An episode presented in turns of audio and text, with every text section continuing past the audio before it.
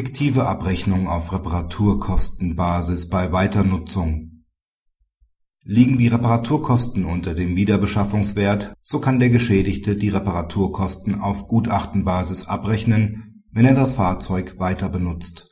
Hierbei ist unerheblich, ob sich das Fahrzeug in einem verkehrssicheren Zustand befindet.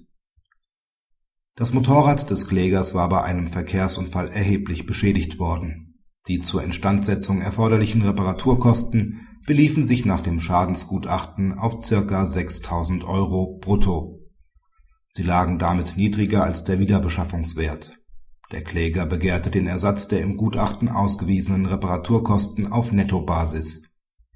Ungefähr zehn Monate nach dem Unfall verkaufte der Kläger das Fahrzeug, nachdem er mit diesem noch circa 1500 Kilometer gefahren war der Kläger hat das Fahrzeug offensichtlich nur teilweise repariert, da es nach dem Gutachten nicht fahrfähig gewesen war.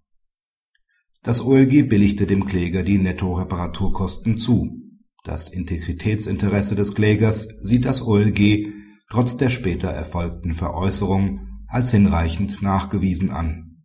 Es sind keine Umstände ersichtlich, die darauf hindeuten, dass der Kläger lange vor dem Verkauf des Motorrads kein Interesse an einer weiteren Nutzung gehabt hat Hiergegen spricht insbesondere, dass der Kläger in gewissem Maße Aufwendungen für die Reparatur seines Motorrads getätigt haben muss, um es fahrfähig zu machen. Nach Auffassung des OLG ist es unerheblich, ob das Motorrad während der Zeit, in der es vom Kläger weiter benutzt wurde, sich in einem verkehrssicheren Zustand befunden habe. Ausreichend ist, dass das Fahrzeug fahrbereit gewesen sei und der Geschädigte tatsächlich in der Lage war, weitere Fahrten mit dem Fahrzeug zu unternehmen Kritik Nach der Rechtsprechung des BGH ist ein Geschädigter dann berechtigt, den Fahrzeugschaden auf Reparaturkostenbasis abzurechnen, wenn die Reparaturkosten unterhalb des Wiederbeschaffungswerts liegen und der Geschädigte das Fahrzeug zumindest sechs Monate weiter nutzt.